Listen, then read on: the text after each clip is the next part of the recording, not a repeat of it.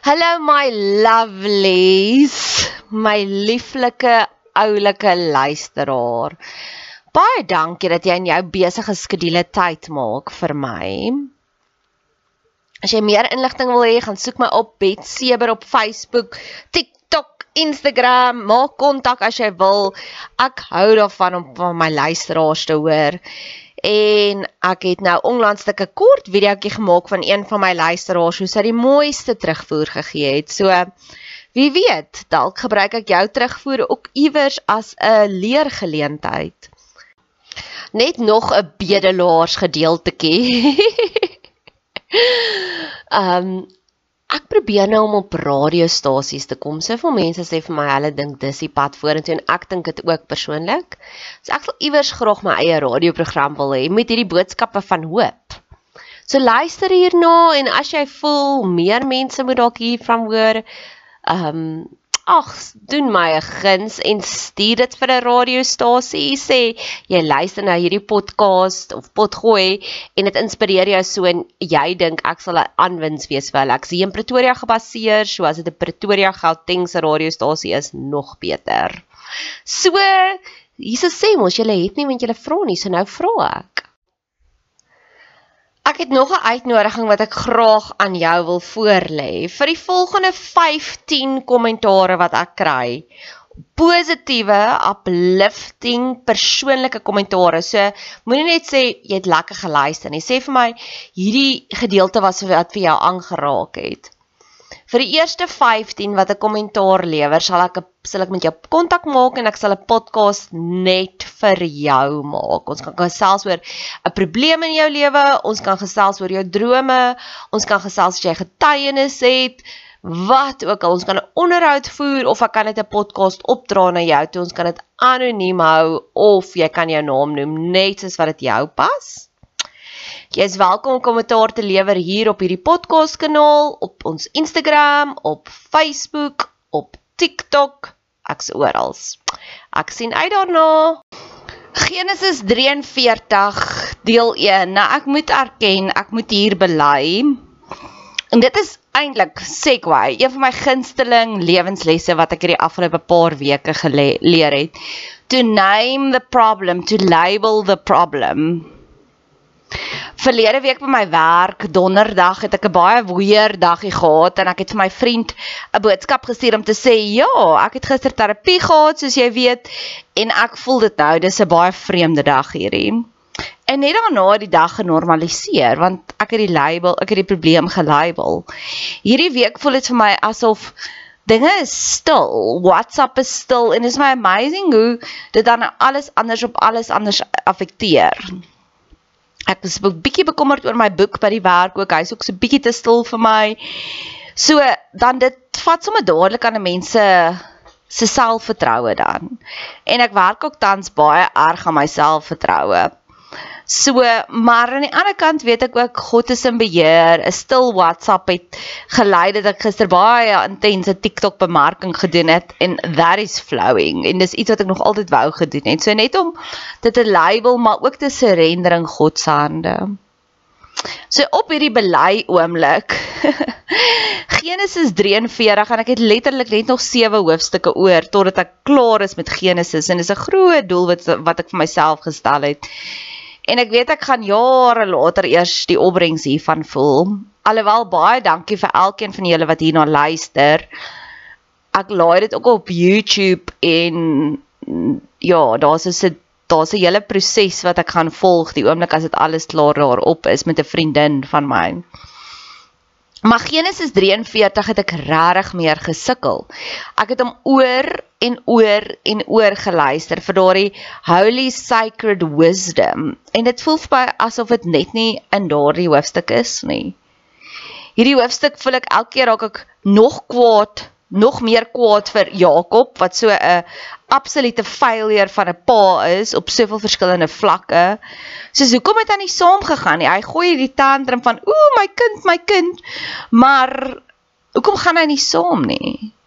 En ek dink ek het so klein bietjie te veel ego tans in my lewe, mense wat net in hulle ego reageer en dit irriteer my verskriklik. So ek weet ook ek is triggered tans.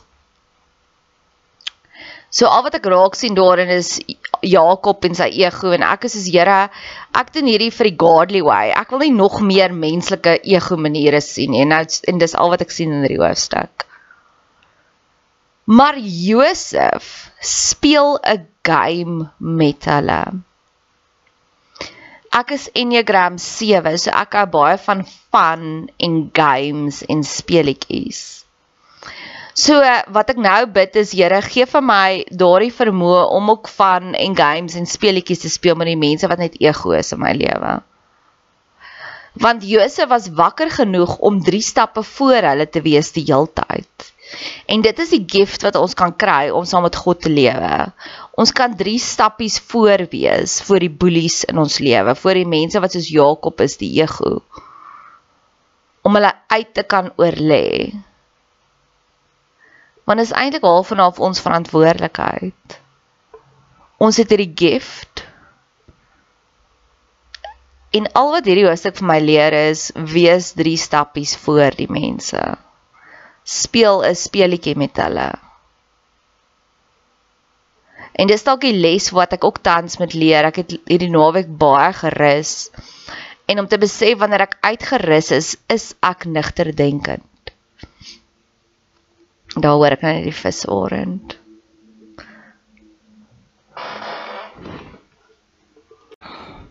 So Genesis 43. Het jy opgetel dat hierdie Genesis 42 43 verhaal dis een ete wat baie uitgerek word in die Bybel. Dit voel vir my soos days of our lives. Ek het nooit dit regtig gekyk nie, maar ek weet ek ken mense wat dit wel gekyk het en as jy dit een keer elke 3 weke kyk, as jy dit nou kyk as hulle by hierdie bal en dan 3 weke later is hulle nog steeds by dieselfde bal. Nog steeds by dieselfde diner. En dis hoe hierdie hierdie Genesis verhaal vir my voel. Daar is soveel ander gedeeltes waar dit net vinnig oorvlieg, waar die Bybel net so sulke opsommingkies gee.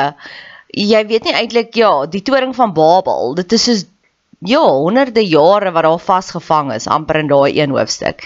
En hierdie is een ete wat twee hoofstukke, dalk drie hoofstukke vol is van hierdie een ete wat 'n familie se lewe verander. En ek wil stil staan daarby. Party oomblikke in ons lewe is net groter en ons kan dit aanhou en aanhou en aanhou besoek. Maar wat vir my ook groot is, Josef se verhaal van verwerping. Ek wonder wat het deur Josef se gedagtes gegaan. Sy broers gooi hom in die put, hy word verkoop in Egipte. En ek wonder hoe lank het hy gehoop sy pa gaan hom nou kom red. Waar is sy pa? Hoekom kom sy pa nie help nie?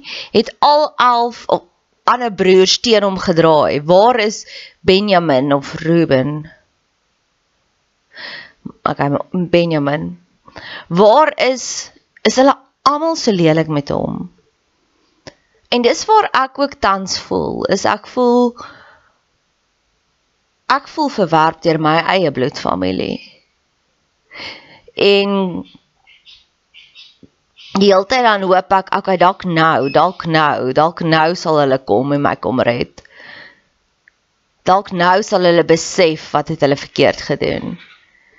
En vir jare lank het ek aan die liedjie van Revenge sê vasgehou wat daar staan van al die mans het probeer om haar om te duik, maar wie wie probeer om haar op te lig en hy wonder waar is hy?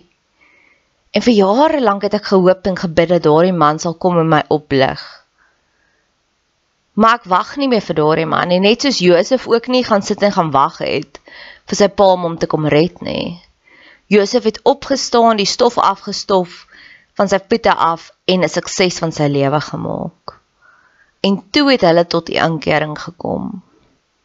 Party van ons se vee verhaal werk so. Iemand doen jou in, hulle kom sê jammer, jy hoef niks omtrent te doen nie and they lived happily ever after. Maar die sterker is onder ons kry hierdie geleentheid om soos Josef net uit te styg daaroor. En dit maak nie dat ons psigopaties is nie. Sterk mense, baie mense sal vir my sê jy's sterk. Dan sê ek ja, ek weet ek is sterk, maar ek kry ook seer. En ek neem aan Josef het seer gekry want ek dink dis ook hoekom God op micro level detail elke een van sy genesings genees of elke een van sy traumas genees. En dis hoekom ons so lank stil staan hier by hierdie hoofstuk. Die helderste sterre brand die kortste ongelukkig. Die ander storie is ook Jesus die een week in Jerusalem skree hulle vir hom Hosanna Hosanna met we adore you. Ons is mal oor jou. In die volgende oomblik, volgende week op daai selfde plek sê hulle kruisig hom, kruisig hom. En ek kan ook daarvan getuig. Daar's mense in my lewe wat amper 'n obsessie het met my. En dan net om dit om te draai in iets leliks in. So dis die verhaal van Josef, die magical mystery ride van Josef. Ek wil ook met jou gesels oor die huil skaamte, die trane skaamte. Ek het nou onlangs 40 jaar oud geword en ek het gesê in my jaar met die oploop tot by my 40ste verjaarsdag het ek baie meer begin huil. Soos dinge sal my aanraak en huil daaroor. En ek besef dat hierdie was 'n jaar van genesing van kinderdae traumas vir my. En een van die dinge Want hoekom ek hierdie storie nou vertel is die eerste keer loop Josef uit en hy gaan huil in 'n ander kamertjie. En dan die tweede keer huil hy so onbeheers, daardie Oprah Winfrey noem dit die ugly cry. Hy huil so onbeheers dat selfs sy sy dienaar, selfs sy knegte in die ander vertrek hoor hoe huil hy. En ons het almal daardie huil nodig. Wanneer ek mense bestudeer wat ongesond is, is dit omdat hulle onderdruk net al die emosies. En my kinderdae was ek nooit toegelaat om te huil nie. As ek gehuil het, was daar dinge gesê soos hou op huil, sluk daai trane of ek gee vir jou iets om oor te huil. Maar as ek soos nou kan ek dink dan wil ek teruggaan na jonger Nadia om te sê hulle het al reeds vir jou iets gegee om oor te huil. Huil is 'n natuurlike reaksie. En ons word so geshame. Het jy al ooit as iemand begin huil dan sê hulle dadelik ek's jammer, ek's jammer. Dan sê ek nee. Huil, huil. As jy gaan piepie, sê jy nie jammer, jammer nie. You get it out. Anders gaan dit jou siek maak. En trane het het um anti-stres hormone in, so dit dit release daai stres uit jou liggaam uit. Dis 'n natuurlike release valve. Dis soos 'n hartseer orgasme amper, orgasme. Jy moet dit uitkry. Jesus het gehuil. God sê ons trane is vir hom soos gebede.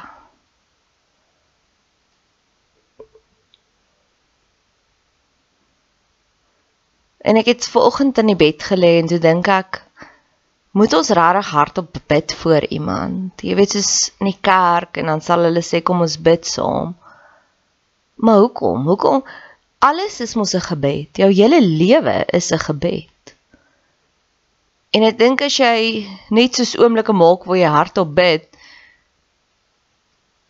ja, neutraliseer jy jou hele ander lewe. Om jou kinders skool toe te vat is 'n tipe van 'n worship om broodjies te maak vir jou man vir by die werk is 'n tipe van worship. Trane is 'n gebed.